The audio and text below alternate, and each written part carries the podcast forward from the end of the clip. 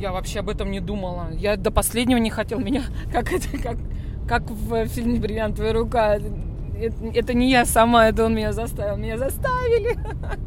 Ну, люди же реально большинство, которые сейчас придерживаются там либеральных каких-то ценностей, они не жили за границей, они вот типа вот так же, как я раньше, ненавидят все, что там Путин и всех остальных, и они не знают, ну, реальные минусы там Европы, например, перед Россией и там все такое. И я не вижу смысла там говорить, что Путин мудак. Ну да, он мудак, мы все это понимаем, поэтому я здесь, а не, а не в России, поэтому я хотел учиться в Америке, поэтому я а, забываю русский язык, наверное, вот поэтому я и занимался той деятельностью, вот потому что он мудак. Я очень люблю русский язык не потому, что он для меня родной, а потому что я просто очень люблю на нем разговаривать, и я понимаю, что я русский язык могу использовать так, как у меня не хватает навыка использовать другие языки в плане чувства.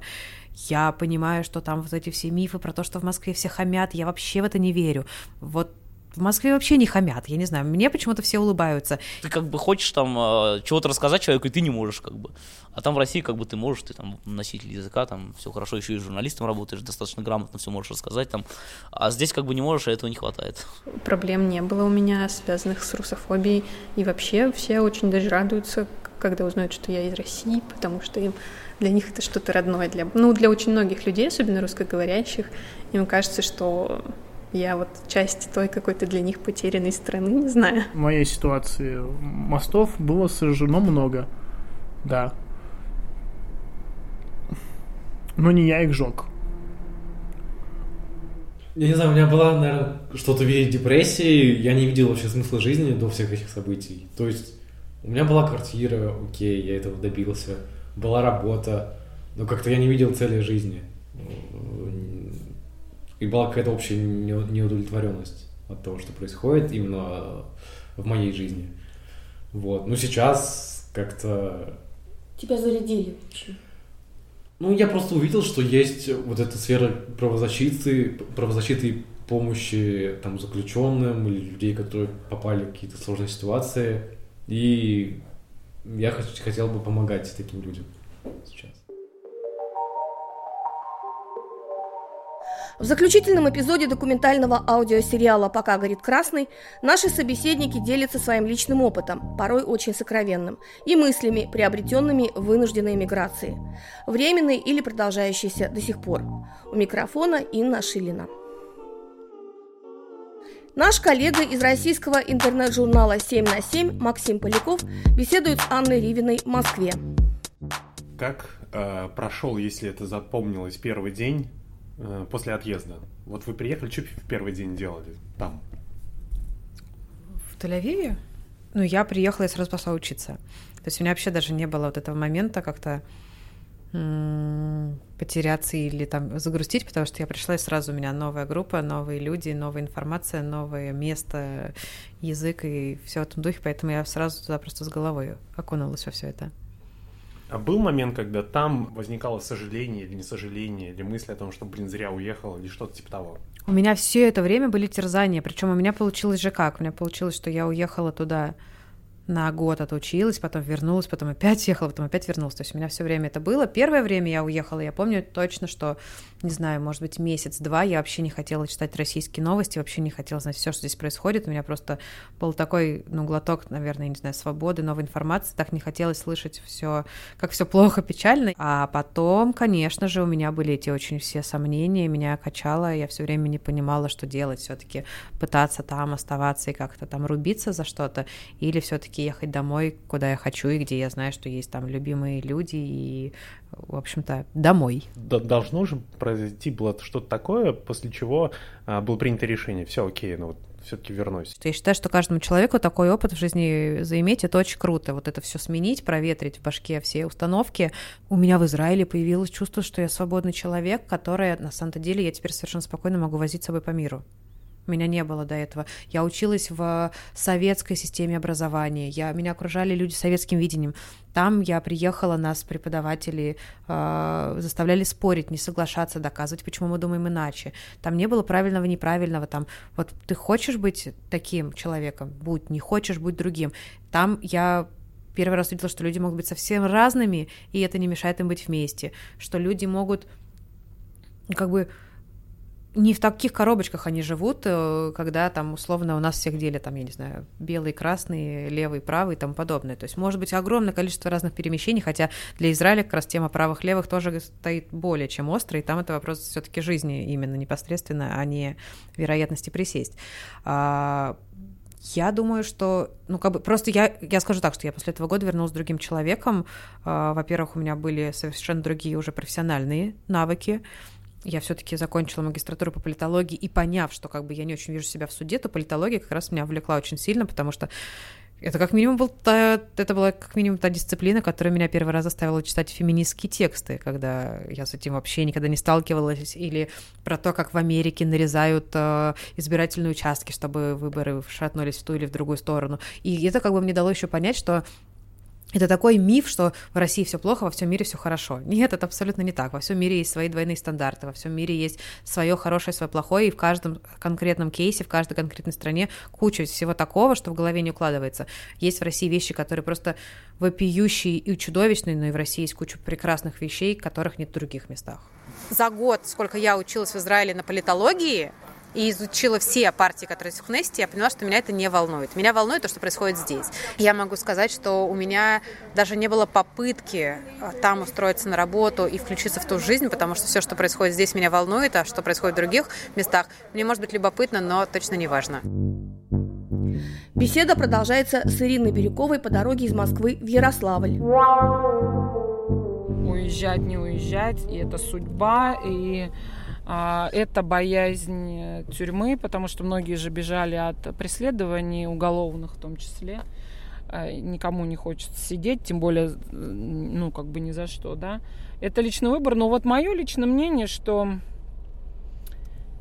если бы мне э, вот сейчас угрожало сесть в тюрьму или уехать, я, может, не знаю, вот пока у меня ребенок, э, как бы, ну, как сказать, не пристроено, да, там ни, ни вуз не поступил, ничего, я бы, может быть, и уехала а, на какое-то время для того, чтобы ее устроить и вернулась бы назад. А, ну, то есть я для себя, я не рассматриваю варианта уехать прям на совсем, просить убежища, только какой-то вот экстренный случай, так, настолько, я не знаю, но настолько должен быть, что мы никому не нужны там, сразу говорю. Вот абсолютно прям, да, ты, конечно, тебя первое время встречают там как, героя и а, помогают всячески, и организации разные, спасибо им большое, конечно, и все такое. Но если по-честному, я там была уже, как бы, я, я знаю, ты никому там не нужен. А, там, через месяц а, журналистка, как там, новость живет три дня или как это говорится, а, ты через три дня или там через месяц максимум про тебя забывают, всплывает какое-то новое дело, кто-то новый уезжает или еще что-то уже говорят про другого. Ты, э, ты должен быть готов, готов к тому, что твоя жизнь не просто изменится, а она поменяется настолько, что ну, ты можешь как это, не потянуть вообще, потому что тебе нужен язык, ты должен работать, никто за тобой бегать не будет, никто твоими проблемами заниматься не будет. А, ты там условно там, ну, тебе могут как-то направить, подсказать, куда ты там тебе пойти, адрес там какой-то миграционной службы, ну, условно говоря, да, но никто с тобой носиться не будет, никто тебе делать ничего помогать не будет. А, там с, с горшком за тобой ходить. И поэтому вот готов, если это мне кажется, это страшнее, чем сесть даже в тюрьму. Потому что ты, садясь в тюрьму, ты понимаешь, что тебя ждет там, да, там ты... А, а тем более ребята, вот там да, те же болотники, которые вот сейчас отсидели и все. А, кому-то страшно, кому-то не... Да, даже не болотники, даже не берем политических никаких обычных ребят, которые у нас же тоже ни за что там сажают, там полно разных подкидывают наркотики и все такое. Вот.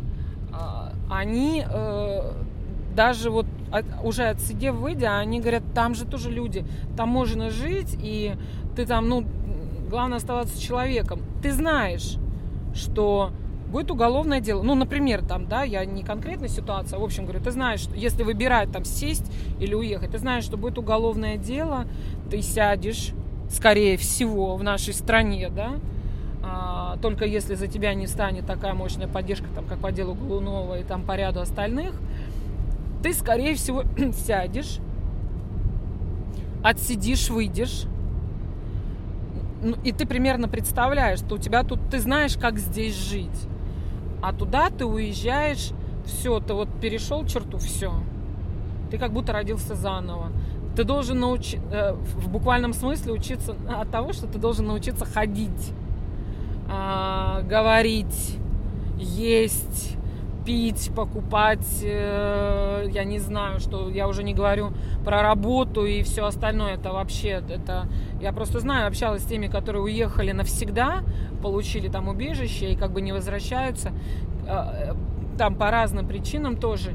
Какие депрессии, через какие круги ада они проходят. А, но там я абсолютно понимаю, я бы на их месте так же сделала, потому что там дети маленькие.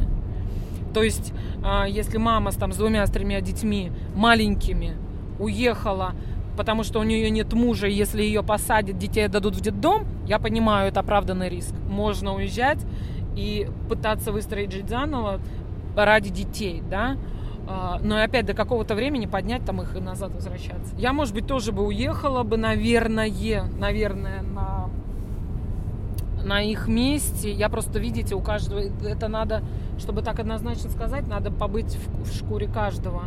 А, я не знаю, какие у них угрозы и так далее. Но это совершенно не сахар. Но многие же специально хотят уехать а, из России, потому что им кажется привлекательным, что ты уедешь в Европу, в Штаты, там куда-то еще, а, что там жизнь лучше. А, да, бесспорно, там сделано, а, если не все, то очень многое для жизни человека, для улучшения там в социальном плане, в разном плане, в зарплате, там еще в чем-то. Но это очень хорошо, если ты там родился, ты там живешь, и, или там ты, например, вышел замуж, уехал туда, потому что у тебя ты, ты примерно представляешь, как ты будешь жить. Но э, и, и я понимаю, когда люди э, ищут лучшей жизни, уезжая. Но очень многие, которые не бегут от преследования, а просто уезжают за лучшей жизнью, очень многие моих личных знакомых возвращаются. Потому что э, это совершенно трудно. Я не, ну, и они говорят, дураки были, что поехали. Потому что отсюда кажется все очень привлекательным. Ирину дополняет Дмитрий Семенов в Вильнюсе. И опять же, это сложное решение. Вот э, часто же там в, России среди людей, которые там наблюдают со стороны, ну и даже, наверное, я, когда живу в России, когда там читаешь заголовки, а вот такой-то человек там получил там политическое убежище там в Хельсинки, а вот такой-то вот в Вильнюсе. И, наверное, многим кажется, что это типа так... Э, я даже уверен, что я знаю, потому что ко мне э, там в личку многие там какие-то там мало знакомые или нормально знакомые люди пишут, а как, типа, вот мы тоже вот хотим уехать. Они думают, что это хорошо, ты вот получил убежище, и там за тобой тут как в детском саду ухаживают. Это же на самом деле не так. Это очень сложно дающееся решение. И даже вот когда вот я остался, первые месяцы жизни, ты абсолютно никого в этой стране не знаешь. Ну как, э, там, не считая там несколько, там, десятка человек, которые такие же, как ты, там, да, э, уехавшие в разные периоды, как вот, например, Сева Чернозуб, э, больше ты не знаешь никого. Вот. Э, это сейчас уже там за полтора года я обвел, обзавелся большим-большим кругом знакомцев, там, как и среди русских, так и среди литовцев местных. А первое время это тяжело, особенно у меня так как раз еще были финансовые проблемы, приходилось там ночевать там из хостела в хостел переезжать, а еще и никаких вещей нету, потому что ты действительно не брал с собой вещей никаких, и ты их купить не можешь, у тебя действительно там какие-то там последние, может быть, 20 евро, и ты не знаешь, когда там придет тебе перевод денег, да, а, и на эти 20 евро тебе как-то надо прожить, там, да, и плюс там, особенно если вы курящие, а тут сигареты дорогие, и хочется и покурить, как бы, да, и хочется чего-то поесть, это очень сложно. Э, было в первое время. И не все как бы свыкаются до сих пор. То есть э, я там в этом плане, не знаю, наверное, то, что я там служил в армии, какой-то там коммуникативный человек, я как-то, в принципе, к новым условиям привыкаю достаточно быстро. Вот. А некоторые, я знаю, как бы не привыкают до сих пор. А у многих бывает депрессия, там, может быть, они не хотят, не показывают как-то это публично, но я знаю в личных разговорах, что бывает. А бывает, что люди, у которых, это ладно, опять же, я один, да, а бывает, что люди, у которых оставилась жена и дети и они так вот живут годами, и им очень тяжело. А люди на этом фоне часто, я тоже знаю, уходят в запои. Вот эта вот депрессия, все там, а, трудность найти работу, как бы незнание языка, а, поэтому это очень сложно. Особенно в первое время будет точно очень сложно. Ну, через какое-то время, может быть, и захандрите, нет? Я думаю, что нет. Ну, я все-таки немножко другого разряда человека. Вот, ну, как бы зная тех людей, которым как бы это тяжело все дается, и зная себя, как бы, и видя сам со стороны как бы свое поведение, их поведение, я все-таки другого разряда человека, думаю, нет. Очень надеюсь, конечно, не хочется, не говори гоп, пока не перепрыгнул, но надеюсь, что нет. Хорошо. А, а все-таки есть такие вещи, которых вот, ну, вот здесь, в Литве, вам сильно не хватает оттуда? Это из Чебоксары или там из Москвы или еще? Вот сразу первое, что мне пришло в голову, дешевых сигарет. А Что мне еще здесь не хватает? Ну, наверное, вот э, есть такой момент, связанный с э, языком.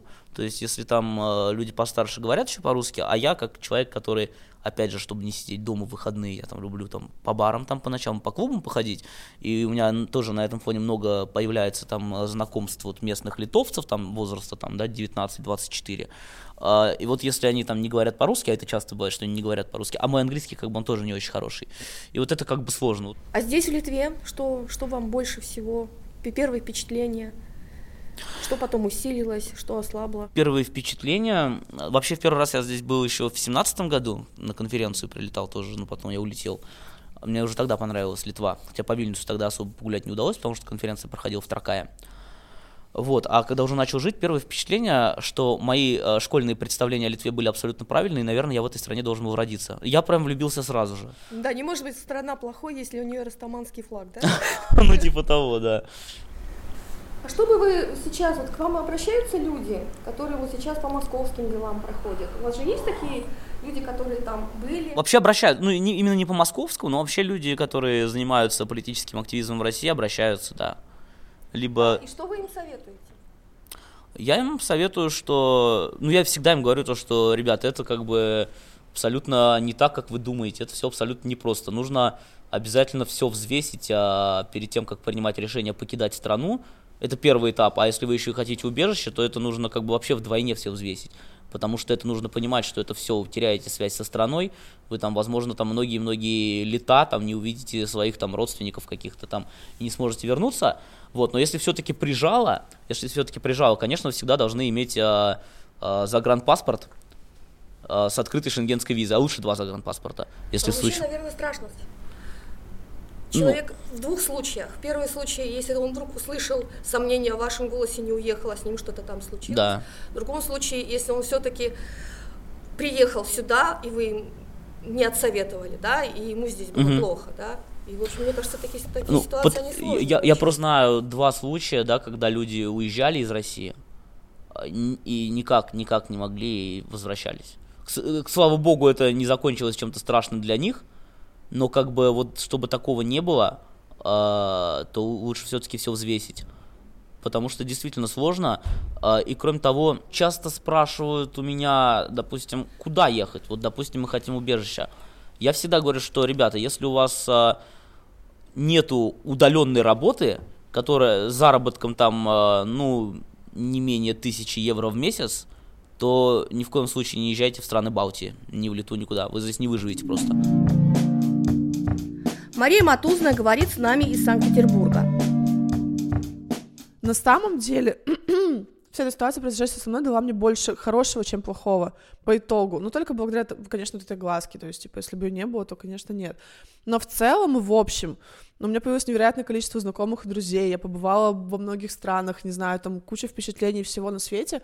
И все это только благодаря вот тому, что меня захотели какие-то там тупые менты просто по своей глупости захотели меня посадить в тюрьму. А что касается общей ситуации, когда я уехала и пожила там и в Киеве, и в Вильнюсе, это все считается, я поняла, насколько много преимуществ в России, например. Можешь пример привести, в смысле, что там было хуже по сравнению с Россией? Ну, В смысле, э, почему ты скучал или что тебя м, расстраивает? Ну, знаете, даже до элементарного просто даже еда. То есть настолько... Я понимаю, что, ну, например, как Волков мне говорил, что ты просто не ела в вкусных ресторанах. Ну, блин, да, типа, я не богатый человек, я никогда не хожу в дорогие рестораны. Я оцениваю сервис на уровне там, вот, на котором я могу себе позволить. Какие-то обычно сетевые кафешки, просто магазины продуктовые.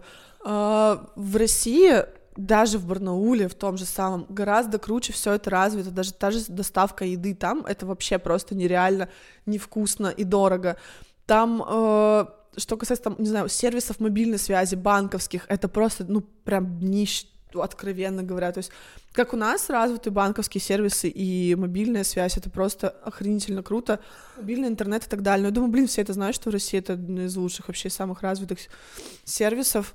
Даже тот же самый менталитет, я понимаю, что как бы литовцы, они не слишком от нас далеки, потому что тоже бывший там СССР и так далее, но все равно чувствуются они довольно, ну, не знаю, довольно скупые на эмоции, что ли, такие довольно какие-то... Может, я не таких людей встречала, не знаю, и, может быть, я уже заведомо была настроена, что вот, типа, русские самые там хорошие, но все равно ты чувствуешь себя гораздо уютнее, когда ты приходишь в незнакомую компанию в России, но если брать хороших людей, хороших людей с той и другой стороны, то все равно гораздо более гостеприимно, радушно тебя встретить в России, ты сразу почувствуешь себя в своей тарелке. Там, куда бы ни приходила, мне приходилось самой как-то вот пытаться влезть в этот круг общения, пытаться там стать своей, то есть как-то люди не так принимают, там, по-другому, не знаю. Вот, как бы, конечно, плюсов там тоже много, вот, но я понимаю, что ну вот, опять же, у них тоже можно сесть, допустим, если сказать, что, там, не знаю, советская оккупация не существовала, что это все выдумки, и вообще, как бы, вы, там, дурачки все. Тоже можно сесть в тюрьму. Вот, опять же, мне кажется, это ненормально. И, не знаю, в России, если... Ну, я, конечно, не уверена, но мне кажется, что если сказать, что фашизма не было, то тебя в тюрьму как бы не должны посадить. Наверное, может быть, административ какая-нибудь будет там за неуважение к войне но вряд ли это будет прям срок. А там прям сажают, ну прям типа в настоящую тюрьму.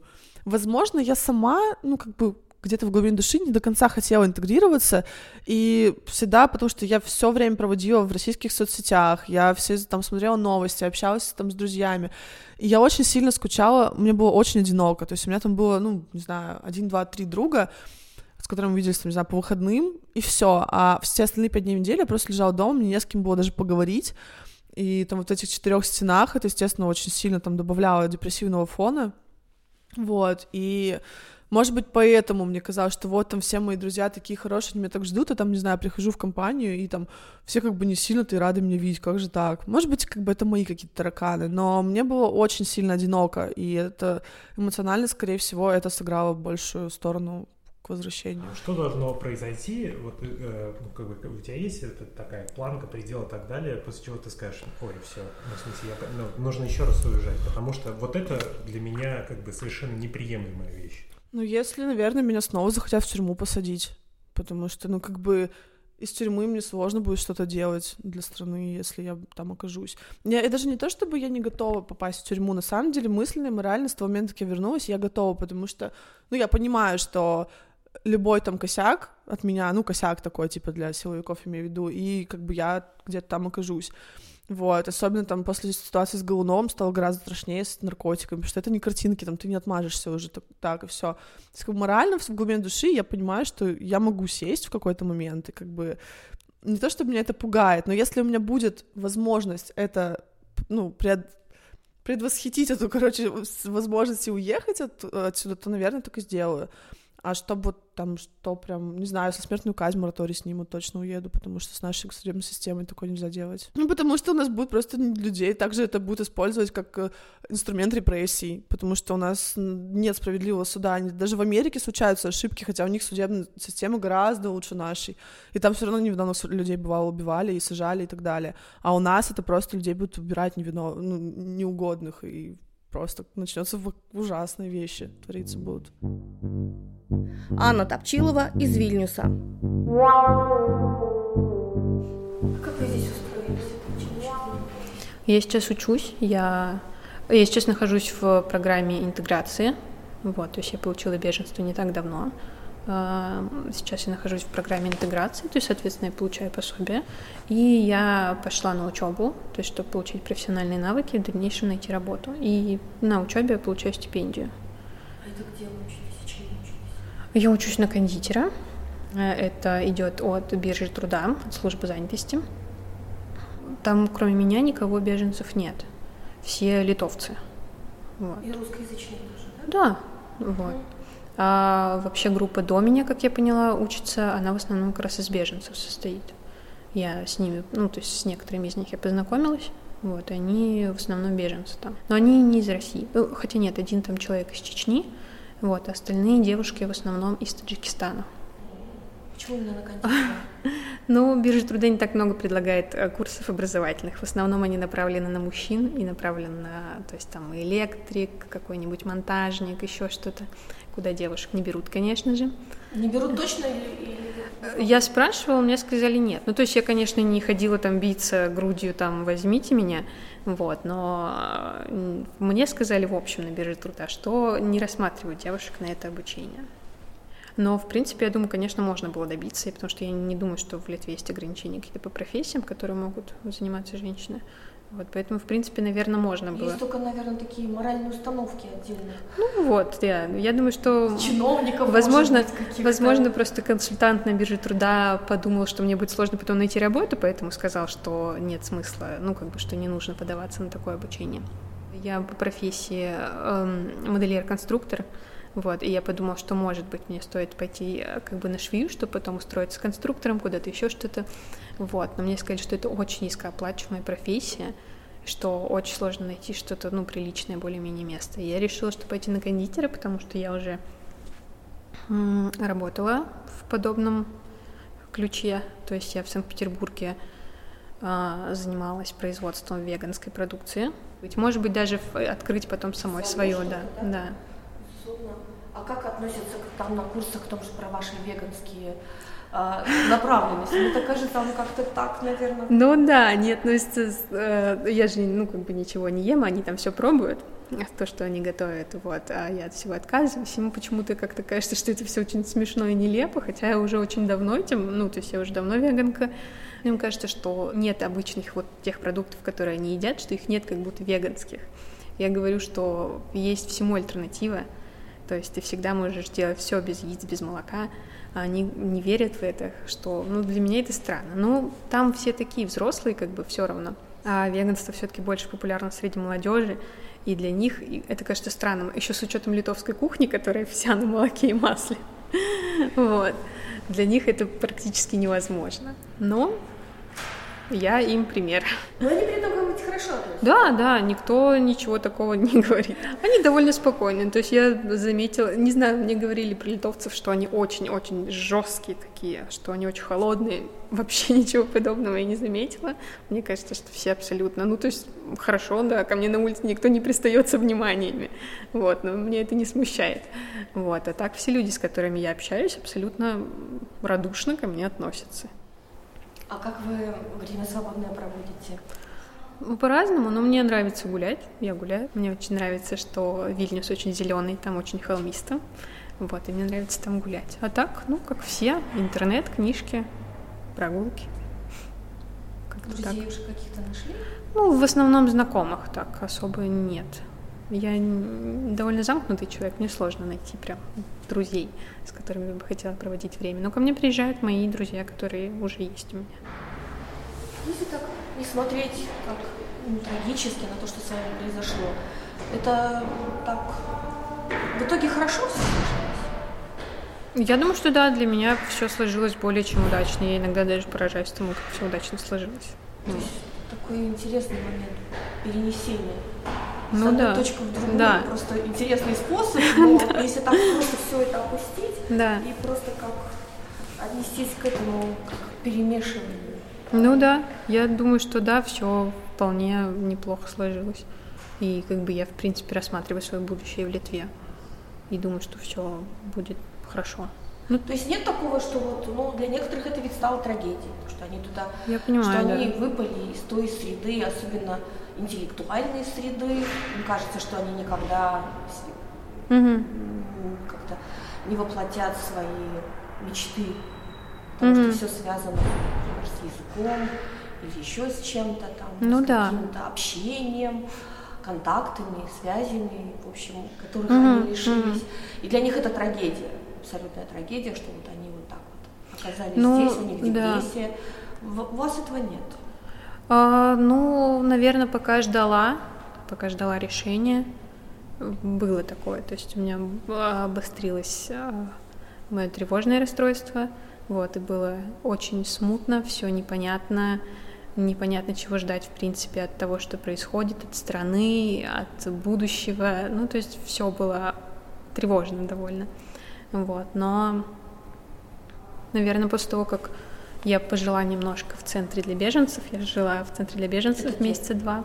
Это я сначала жила в Побраде, э, а потом жила в Рукле, это рядом с Йоновой. Вот. Э, в Побраде туда пересылают беженцев, которые вот только попросили убежище, то есть если им негде жить.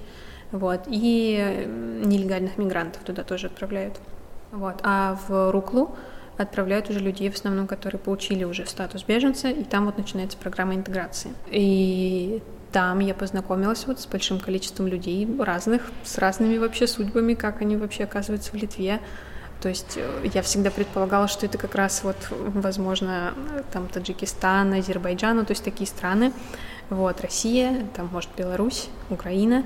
Но там вообще люди из таких мест, оказывается, я была поражена. И у них история у всех, им гораздо тяжелее, потому что они не русскоязычные для меня, как для русскоязычный, литовский язык все равно похож, ну, по структуре своей на русский. А у них совершенно другие языки, то есть они не могут понять логики этой даже языка. И для них научить это намного тяжелее. Вот. И плюс они не могут э, изъясняться на русском, значит, у них нет даже никакой базы, чтобы понять этот язык, им нужно с нуля практически. Вот. И как-то, наверное, это изменило мое отношение к этому, что мне намного проще здесь находиться. Ну, даже сейчас я прохожу обучение, которое, по сути дела, проводится на литовском. Я всегда могу спросить что-то на русском, мне ответят на русском, и я пойму. Ну, вот, так что для меня это не такая трагедия, наверное, как для большинства людей, которые оказываются в такой ситуации. Ну и между тем временем, как я уехала из России, и тем временем, как я оказалась в Литве, у меня тоже прошло очень большое количество времени. У меня было время пережить это, всю эту историю. И я бы, наверное, справилась с этим, надеюсь. И у вас два месяца прошли в Побраде, да? Да. Обычно все люди... Нет, в, в Побраде я прожила три недели. А, три недели. Обычно Да. все как-то так вспоминают обычно довольно мрачно о содержании в Побраде. Там довольно мрачно, да. Там, наверное, больше всего угнетает, во-первых, наверное, больше всего меня шокировал этот корпус для нелегальных иммигрантов, потому что он как, ну, тюремный. Там а, охрана, собаки, решетка вокруг, решетки на окнах, и им нельзя выходить. Там вот, вот это, наверное, больше всего меня шокировало, потому что я представила, что люди, а люди же ждут, даже если они вот нелегальные мигранты, которых потом отправляют э, в свою родную страну, они ждут этой высылки, там могут год ждать, пока их вышлют. То есть, ладно бы вот они по- поймали их, да, сразу бы э, сказали бы, что мы вас высылаем, и сразу бы отправили. Но нет же, они же там сидят в этой тюрьме год, там, два, и ждут непонятно чего. Для людей, которые просто попросили убежище, они могут покидать. Вот. И там просто нужно все время отмечаться у пограничников. Там вот есть будочка с пограничниками, и там у тебя есть карточки, которые тебе нужно все время отмечать, когда ты уходишь. Ну и когда ты возвращаешься. Вот. Но это было, наверное, самое неприятное, ну, по большей части даже просто обременительное, что тебе нужно постоянно это делать. Вот. А так? Ну, там были соцработники, там даже они организовывали какие-то мероприятия. Ну, я особо не успела проникнуться, так как я всего там была. Даже, может, не три недели, может, две. То есть я просто буквально через неделю после того, когда приехала, мне дали, ну, то есть я узнала, что мне дали убежище, и мне сказали, что вот вы поедете скоро в Руклу. Вот. И буквально через неделю я поехала в Руклу. И сколько в Рукле еще пробыла? В Рукле я, наверное, где-то два с половиной месяца пробыла. А потом уже Вильнюс, да? Потом, ну, то есть я могла выбрать, как беженка, я могла выбрать, какой город, в котором я хочу жить. Но мне сказали, что в Вильнюсе просто больше возможностей, я решила. Ну, и в Вильнюсе я плюс до этого уже жила, я решила, что ладно, поеду в Вильнюс. Как вы жили? Своя снимала квартиру. Это потом просто у них э, в помощи финансовой рассчитана на 6 месяцев, в течение которых тебе должны уже предоставить решение. Но так как всегда это затягивается, вот, э, я, и у меня затянулось на 8 месяцев, то вот по окончанию там 8 месяцев, вот 8 месяцев я снимала квартиру, потом у меня уже закончились деньги, и я решила, что придется ехать в центр для беженцев, и поехала. Сейчас вы сами снимаете квартиру, да? Да, да. И хватает вам там тех э, там, пособий стипендий, чтобы прожить? Ну, в принципе, хватает, потому что я одна. Но я, например, не представляю, что бы было, если бы я жила с семьей. Вот, потому что мне кажется, что когда у тебя дети, например, это, этого пособия бы не хватило. А вот как- как-то думали об этом, что вот э, вы приехали сюда, и как бы пути обратно-то, собственно говоря, нет Мгм. вообще. Я не знаю, там может. Ну да. говорится. Ну, есть какие-то вещи, которых вам вот вообще действительно тяжело, что вы потеряли? А, Ну, скажем так, некоторые вещи я потеряла безвозвратно сразу же после того, как я уехала. Я знаю, что их не вернуть. Вот. И как бы я, конечно, переживаю по этому поводу, но я понимаю, что уже ничего не сделаешь. Что? М, Я бы не хотела об этом говорить. А так, конечно, я скучаю. Очень скучаю по Санкт-Петербургу, который я любила очень сильно. Ну и до сих пор, наверное, люблю очень сильно. Я скучаю по своим друзьям, которых я... Ну, то есть э, некоторых я смогу увидеть, а некоторых не смогу увидеть. То есть кто-то же не сможет поехать в Европу, например, и приехать сюда. Ну, или, может быть, я и пересекусь с ними когда-то, но это будет уже в далеком будущем, и это уже не будет не то же самое. Скучаю, конечно, по сестре и по маме, но они знают, что они могут приезжать. Как-то по, по России как таковой я даже не знаю. Ни- а никаких особенных патриотических чувств я не испытываю, просто не потому, что Россия плохая, а потому что я, в принципе, ну, не патриотка по характеру. То есть Россия мне нравилась, наверное, исключая политический режим. Вот. А так? Ну, наверное, Санкт-Петербург самый сильный из нефизических вещей, точнее, из не, нечеловеческих. Вот. Интересно, а у вас бы получилось найти какое-нибудь здесь, в Вильнюсе, место, которое вам больше всего Санкт-Петербурга? Иногда есть ощущение Санкт-Петербурга. Вот с- единственное, что, наверное, холмы смущают вокруг Санкт-Петербурга, такого нет. Вот. И поэтому, если видно какие-то холмы, то уже нет ощущения этого. В принципе, улицы довольно похожи. Все там, там особенно 17-18 века дома. Можно подумать, что ты в Санкт-Петербурге. Кстати, да, проспект Гедеминеса очень напоминает мне э, Невский проспект иногда в некоторых местах. Он не такой, конечно, широкий, но вот более-менее. Вот от Невского проспекта и отходит улица Миллионная, она тоже булыжником уложена, как э, и проспект Гедеминеса, и очень похоже. Да. А Новосибирское что-нибудь? Нет. Новосибирск очень молодой город. Ему всего лишь там сто лет с чем-то там, и это промышленный город. Его построили изначально как э, перевалочный пункт для железной дороги. Вот, это было начало Транссибирской магистрали железнодорожной, вот, и он никогда не планировался как что-то красивое. Хотя нет, если говорить об окраинах Вильнюса, таких как там Лаздиной, например, это такой довольно советский район, и ну, такой в любом городе России есть, то есть это может наполнить тебе любой город России. Я недавно узнала женщину, она в третьем поколении уже живет в Литве, то есть они когда-то там, там прабабушка, может быть, а она сама взрослая, или там 50, 55, может быть. То есть она еще во время революции здесь оказалась, ее прабабушка? Да, возможно, вот, и то есть, и она мне говорит, что она считает, считает себя частью России, и я так думаю, как? Вот. Единственное, что вы меня сейчас удивили, что вы говорите с теплом о местных русскоязычных. Обычно все, кто приезжает, они сразу, сразу же начинают говорить про то, что здесь э, более такие ватнические настроения среди русских. Я отношусь, в принципе, к этому довольно толерантно, потому что я понимаю, что люди не видят правды. То есть они живут здесь, и не знают, как там. То есть, на самом деле, что меня больше всего поразило, так это то, что в Беларуси, например, тоже любят Путина, верят в то, что он там приведет Россию куда-то там в светлое будущее. Вот, хотя они живут рядом, они ездят регулярно в Россию, они знают, как там. Но они вот верят, что Путин молодец. И в Литве, то есть вот как раз вот с этой женщиной я много общаюсь в последнее время, которая русскоговорящая в третьем поколении. Вот, и она мне тоже говорит, что да, вот очень много русскоговорящих любят Путина. И я ей когда рассказывала историю примерно о том, что происходит в России, о том, что происходит в Беларуси, вот, она очень удивлялась, что как же так, нам же показывают совсем другое. Я говорю, ну, конечно, вам показывают совсем другое, вы же смотрите официальное телевидение. Никто же не идет там гуглить, а на каких-то альтернативных источниках не ищут для того, чтобы узнать, что происходит в России. И она тоже говорила о том, что да, вот ничего себе, как пропаганда работает. То есть даже я тут живу и верю в том, что там все хорошо.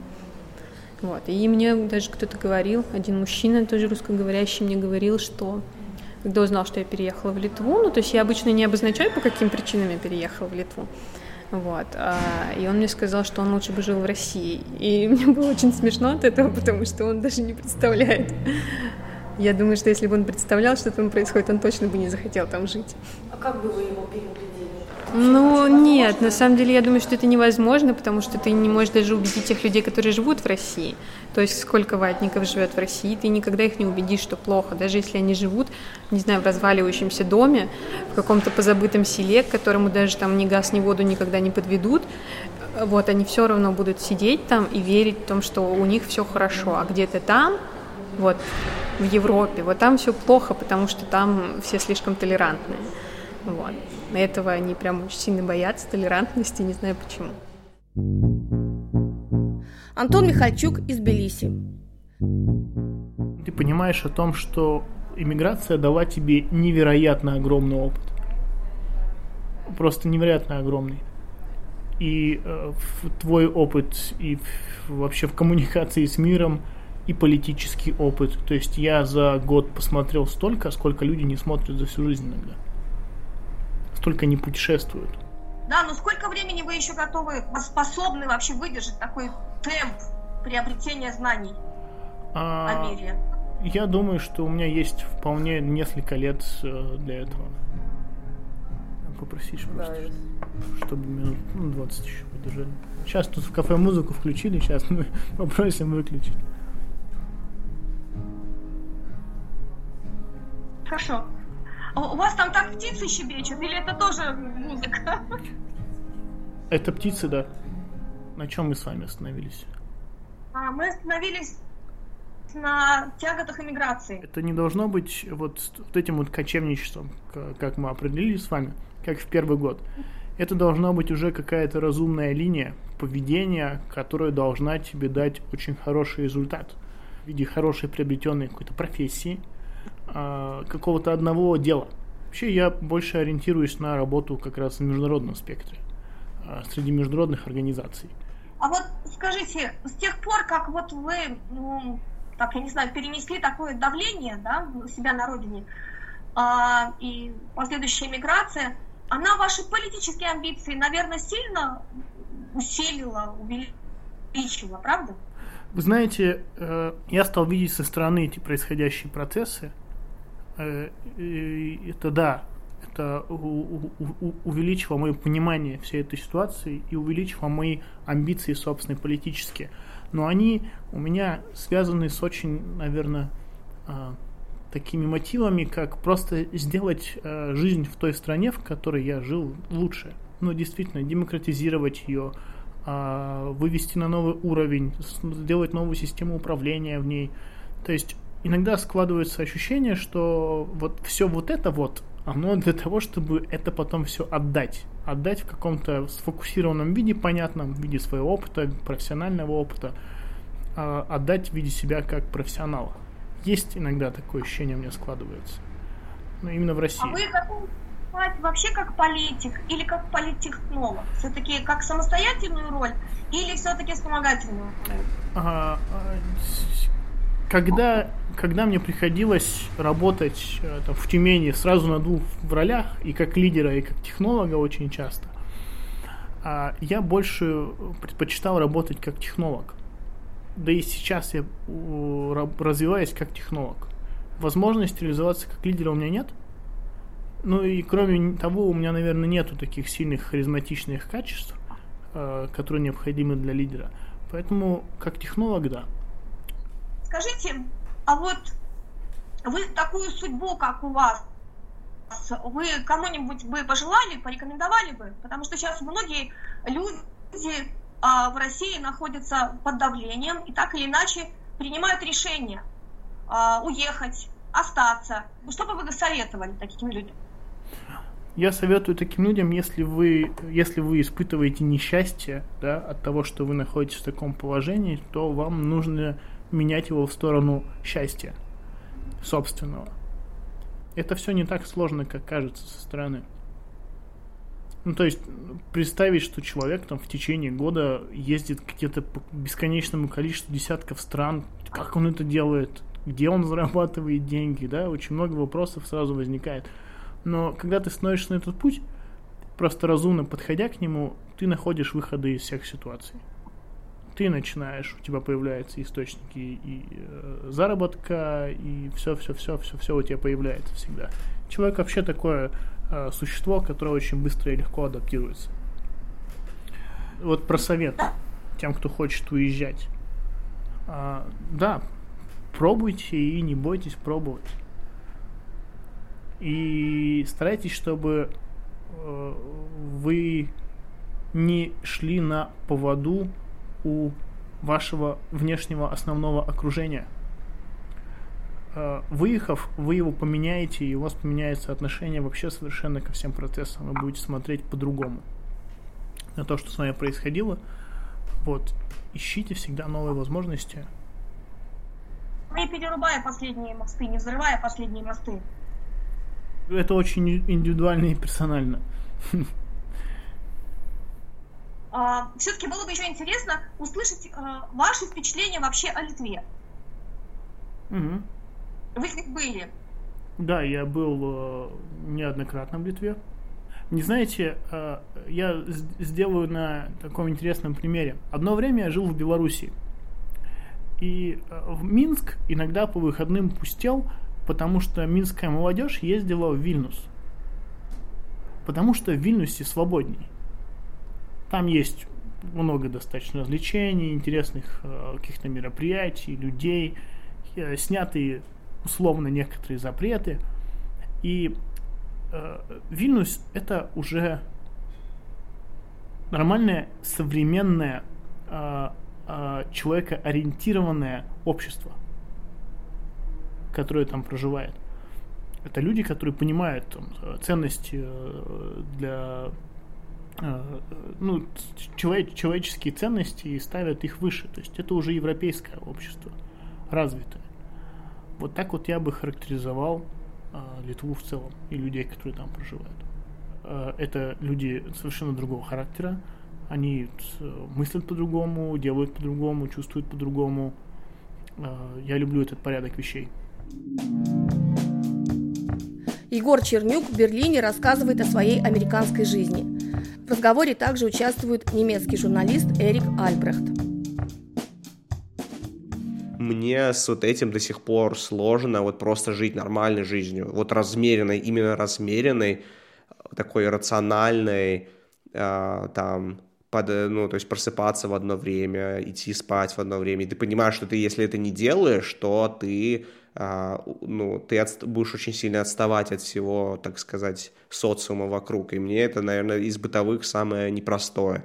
На, на фоне этого из бытовых вещей, но это такое более культурное, американцы не умеют, а, лично американцы не умеют наслаждаться жизнью, как это умеют, допустим, европейцы.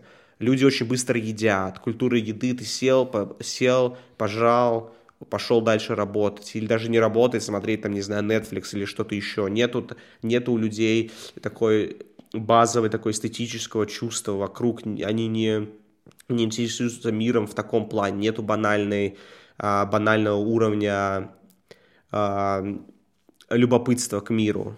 И вот это, ну, эм, оно относится к бытовому, потому что оно проявляется в таких вещах, как там ты сидишь там после учебы на обеде, и я, допустим, со своими европейскими друзьями могу там два часа сидеть и общаться, и там говорить о всех эмоциональных вещах, там всем пере... кости перемолоть, а как бы американец, он поел за 10 минут, наставил себя какой-нибудь там дерьмовой едой и пошел дальше работать. Вот в таких вот моментах оно проявляется, в бытовом плане.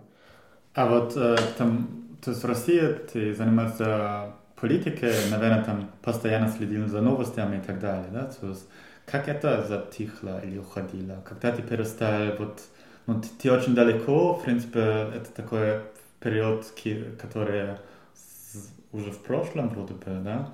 Но как ты уходишь с этого или уходил из этого? Ты до сих пор так следишь, как раньше. Mm-hmm. И все равно, наверное, там какая-то разница есть, если из Америки следить за этим, или даже из Вильнюса, и тем более Ленинграда. Mm-hmm. Хорошо. А, во-первых, э, чтобы ответить на этот вопрос, нужно понимать, что когда я еще был в России, 90% а, моего э, моей информационной пищи состояла из англоязычных СМИ, из американских новостей, И даже когда я приходил на кампанию, я, я понимал, я давал себе отчет о том, что я понимаю в политической системе американской больше, чем я понимаю в российской. То есть какие-то такие очевидные вещи а, мне я узнавал от э, людей вокруг, которым это более интересно, чем мне. То есть мой как бы интерес политический в России, он такой более технический был, чем... Ну, то есть мой, мой интерес в моей работе, он был более технический, как мне сделать это все и более эффективно, чтобы всем угодить и так далее а, в этом плане. А, а параллельно этому я интересовался больше э, вопросами западного мира, вопросами а, американскими в частности. И, соответственно, мне легче, мне было довольно легко перестать, наверное, естественным образом э, читать, интересоваться русской повесткой, потому что я как бы этого даже и в России не делал. То есть я понимал, если что-то важное произойдет, то мне обязательно об этом расскажут а, люди в окружении. Вот, и поэтому я сейчас иногда очень захожу там на какие-то СМИ российские, но не то чтобы я регулярно этим занимаюсь, там регулярно потребляю а, информацию на русском языке в целом. Слушайте, Егор, я вот общался со своими друзьями, которые так или иначе эмигрировали, и многие из них э, в разных, ну, как, как, все формулировали по-разному, но как бы смысл был примерно один и тот же у тех, ну, у большинства людей. Они говорили, что э, вот я там прожил какое-то время за рубежом, и самая главная вещь, которая отличает, отличается от того, что было в России, это ощущение того, что ты можешь влиять на ситуацию, на события, на жизнь в стране. А, кто-то говорил так, что если ты идешь на выборы, то ты уверен, что твой голос не украдут, бюллетени, эти результаты не перепишут, и, и все, бюллетени все правильно посчитают. А если твой кандидат или твоя партия проиграет на этих выборах, то ты, не знаю, сагитируешь всех своих соседей, друзей, весь свой квартал на следующих выборах, так, чтобы твой любимый человек, там, твой симпатичный тебе политик выиграл. Если ты э, идешь в суд, то ты уверен, что если у тебя есть железобетонные аргументы и все остальное, то ну, как бы ты не получишь срок, который ты мог бы получить в Россию, несмотря на все эти железобетонные а, штуки, а, доказательства твоей невиновности. Вы что-то подобное ощущали, ну, в смысле, может быть, вот эм, а, эта разница стала более заметна, вот ощущение того, что я, находясь в Америке, могу очень многое изменить, потому что, не знаю, работают институты в стране. Я до сих пор, учась в университете, не сталкивался с необходимостью участвовать в таком активном политическом процессе и влиять на, реш... на, на решения э, вышестоящих людей. Однако на институциональном уровне все понимают, что их голос важен, и они могут сказать, что хотят, они могут выйти во двор в э, форме вермахта, и им за это никто ничего не сделает. И это потрясающе, и все это понимают. И все это любят и ценят. Неважно, неважно там от политической, от политической аффилиации одного или другого индивидуума. Однако у всех людей есть очень устоявшийся моральный код – который на бытовом уровне не позволяет им заходить за вот эти рамки, которые они себе сами ставят, которые общество ставит эти рамки. Оттуда лезут, лезет а, токсичная политкорректность, а, ну то есть э, левацкие там а, мысли о давайте забаним это, давайте забаним то. Однако, когда ты общаешься с человеком, и если ты что-то скажешь, допустим, не политкорректное, или когда твое мнение не схоже с их мнением, то у них есть четкий моральный код, четкие границы, по которым они живут и общаются друг с другом. В России очень интересно, как это перевернуто. В России в, бытовом плане, в интеллектуальном плане люди абсолютно свободны э, высказывать все, что они думают. То есть в бытовом плане этого вообще нет. У нас нету никакого морального кода в стране, нету национальной идентичности такой моральной все говорят, что хотят, занимаются чем, чем хотят. Очень секулярная страна, когда на институциональном уровне этого вообще нет, и люди даже не могут себе представить, к сожалению, эти же сами люди, которые, у которых нет границ интеллектуальных, эмоциональных на бытовом уровне, они не понимают, что у них даже нет а, возможности представить, что оно должно быть так и на государственном уровне. Когда-то, наверное, заканчивается у вас виза в США, да? Есть всегда эта угроза, что если там, не знаю, учеба не получится, или не получится идти на аспирантуру, или mm-hmm. найти работу, вот есть всегда угроза, что надо просто возвращаться в Россию, да? То есть это, я, то есть это значит, что даже если время такое тяжелое, надо как-то функционировать, надо работать, надо стараться в универе, наверное. Наверное, стресс, да? Или... Да, да он, он не такой очевидный стресс, как вот американский стресс, он э, по качеству отличается от стресса на компании Навального. И поэтому я до сих пор к такому стрессу не привык, потому что, ну, вот у тебя есть дедлайн, тебе нужно получить оценку, но как бы а at the end of the day, who gives a shit? Ну, ты, ты получил B или A, это просто как бы на листочке буква, да, она никак там не влияет на, на судьбы людей очевидным образом, от этого тяжело. И вот отсутствие вот такой вот банальной какой-то там... Ну, не знаю, но я чувствую себя одиноким человеком зачастую в Америке. А, вот какие-то вещи пришлось оставить в России. И, ну да, но я вспоминаю, что моя позиция сейчас, она не навсегда, моя ситуация — моя окружающая среда вот в этом университете и вообще моя американская жизнь, она не постоянна и зависит от а, ряда, ряда факторов, на которые я должен давить, а, независимо от моих там эмоциональных а, эмоциональных а, проблем и отсутствия дисциплин каждый день, я все равно вспоминаю, что оно не навсегда, как и жизнь. Вот. И что это делает? Но оно дисциплинирует, оно меня заставляет а, а, искать счастье каждый день. А, она заставляет меня а, выражать gratitude, выражать благодарность, благо, бл, благодарность судьбе и всему, что вокруг есть. Это сложно, это самое тяжелое в жизни. И сейчас, наверное, я бы сказал, у меня самая тяжелая, э, тяжелая фаза моего становления, может, как, как личности потому что я сделал очень, наверное, самое большое умозаключение, приехав в Америку, а, потому что когда я вот шел через эти все тернии, казалось бы, там из Чекаловска, Калининградской области в один из лучших вузов в Америке, у меня, наверное, на подсознательном уровне было убеждение, что приехав в Соединенные Штаты, я буду на порядок счастливее. Каждый день я буду, я буду счастлив, потому что я в США, в моей любимой стране, культурно, демократия, конституция, да, все вот здесь, и я, я, я чувствую эту страну, я интеллектуальная, мы с ней партнеры, мы понимаем друг друга, и мне казалось, что вот я приеду, и все, и наконец-то.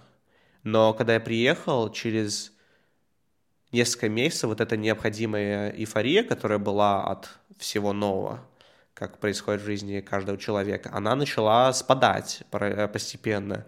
И потом, в какой-то момент, я понял, что я тот же Егор Чернюк с теми же тараканами в голове, и я тот же человек, я тот же, возможно, не совсем счастливый человек, и меня те же импульсы моего, возможно, ну не то что несчастья, но какое-то вот этого горя внутреннего, они меня также двигают.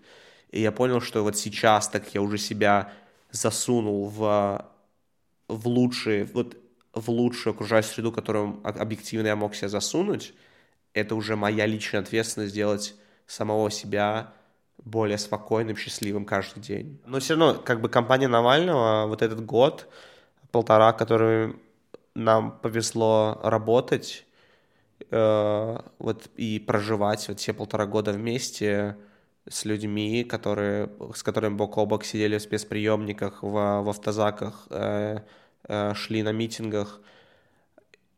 Ты, я чувствовал себя причастным к чему-то большему, чем я, а это самое, это самое сладкое, что может э, человек чувствовать, и наша деятельность имела смысл, смысл, который заходил, э, выходил за пределы на моего эго лично. И поэтому я чувствовал себя очень удовлетворенным в профессиональном, в человеческом плане. Но сейчас жизнь индивидуальная, жизнь капиталистическая в таком прям в отношении всего любви, э, само, саморазвития, и поэтому внимание, оно все про себя, про себя внутрь, и, к сожалению, оно, вот такой формат, он не самый, не самый наполняющий смыслом. Вот, и так, вот это самое, самое главное различие между моей жизнью до и жизнью сейчас. Завершает беседу Айдар Губайтулин в Вильнюсе. Ну вот ты пришел, остался один. О чем думал? Да ни о чем. Посмотрел, какая квартира, посмотрел, что есть из посуды, пошел в магазин, купил продукты. Не растерялся в магазине? Это у нас тут были такие ну, случаи. Ну, растерялся, да. То есть было непривычно, что все на литовском, но ты можешь по внешнему виду отличить колбасу от молока. Вот. И ну, купил продукты, пришел домой, приготовил ужин. Без проблем. Вещей с собой у тебя было много или так? Компьютер? У меня был рюкзак и сумка с одеждой. Вот. Заказал ноутбук. Вот этот. Мне его доставили. Ну и потом практически сразу начал помогать э, фигурантам московского дела. Ну, так и, вот... и начал искать работу еще. А как вот, думая, думая сейчас там об Уфе или об, об Москве, почему, почему больше всего скучаешь или боишься заскучать? Ну, я хочу жить в Москве. Э, у меня всегда была такая установка, не знаю, не установка даже, а мечта иметь свое жилье, обустраивать его, как я захочу. И я к этой цели шел там долгих 7 лет. А, то есть практически сразу после того, как я поступил в университет, как у меня начали появляться какие-то свободные деньги, я все откладывал, я экономил. А, то есть даже несмотря на то, что у меня была неплохая зарплата по меркам Москвы, особенно для моего возраста, я жил, я готовился сам, носил еду в, кон- в контейнерах на работу, толком ничего себе не позволял, не был за границей и... А зачем заграничный паспорт тогда? А? Почему заграничный да паспорт? на всякий случай, на самом деле. Ну, то есть, я его оформил там еще на втором курсе, по-моему, он лежал несколько лет вообще без дела. То есть до всех этих событий там не было ни одного штампа, ни одной визы. А, вот. И то есть я всегда мечтал иметь жилье, когда у меня появилась своя квартира, у меня ну, осталась цель выплатить ипотеку, потом сделать ремонт, как-то построить свою жизнь. Вот. Поэтому я понимаю, что в Европе люди живут по-другому. Тут обычно никто не покупает э, недвижимость, все арендуют. А, но это как-то не для меня. Я привык к другому. Может быть, это плохо, но я не, очень такой мобильный человек. А, ну, еще я буду скучать по друзьям, по какому-то кругу общению. Тем более, когда меня освободили, я познакомился там с десятками людей разных, э, активных, разных, интересных. Их тоже будет не хватать. Потому что здесь, конечно, есть вот эти политические мигранты, но они во многом обычно старше меня, вот там у них семьи, вот. А там меня все знали, там все хотели общения со мной, я хотел со всеми общаться. Там была работа э, интересная. Вот. Ну, думаю, буду скучать в целом по Москве. На этом все. Приглашаем послушать предыдущие серии подкаста «Пока горит красный» о российских политических иммигрантах. Интро, у истоков, дело в тюрьме, обыски и побег.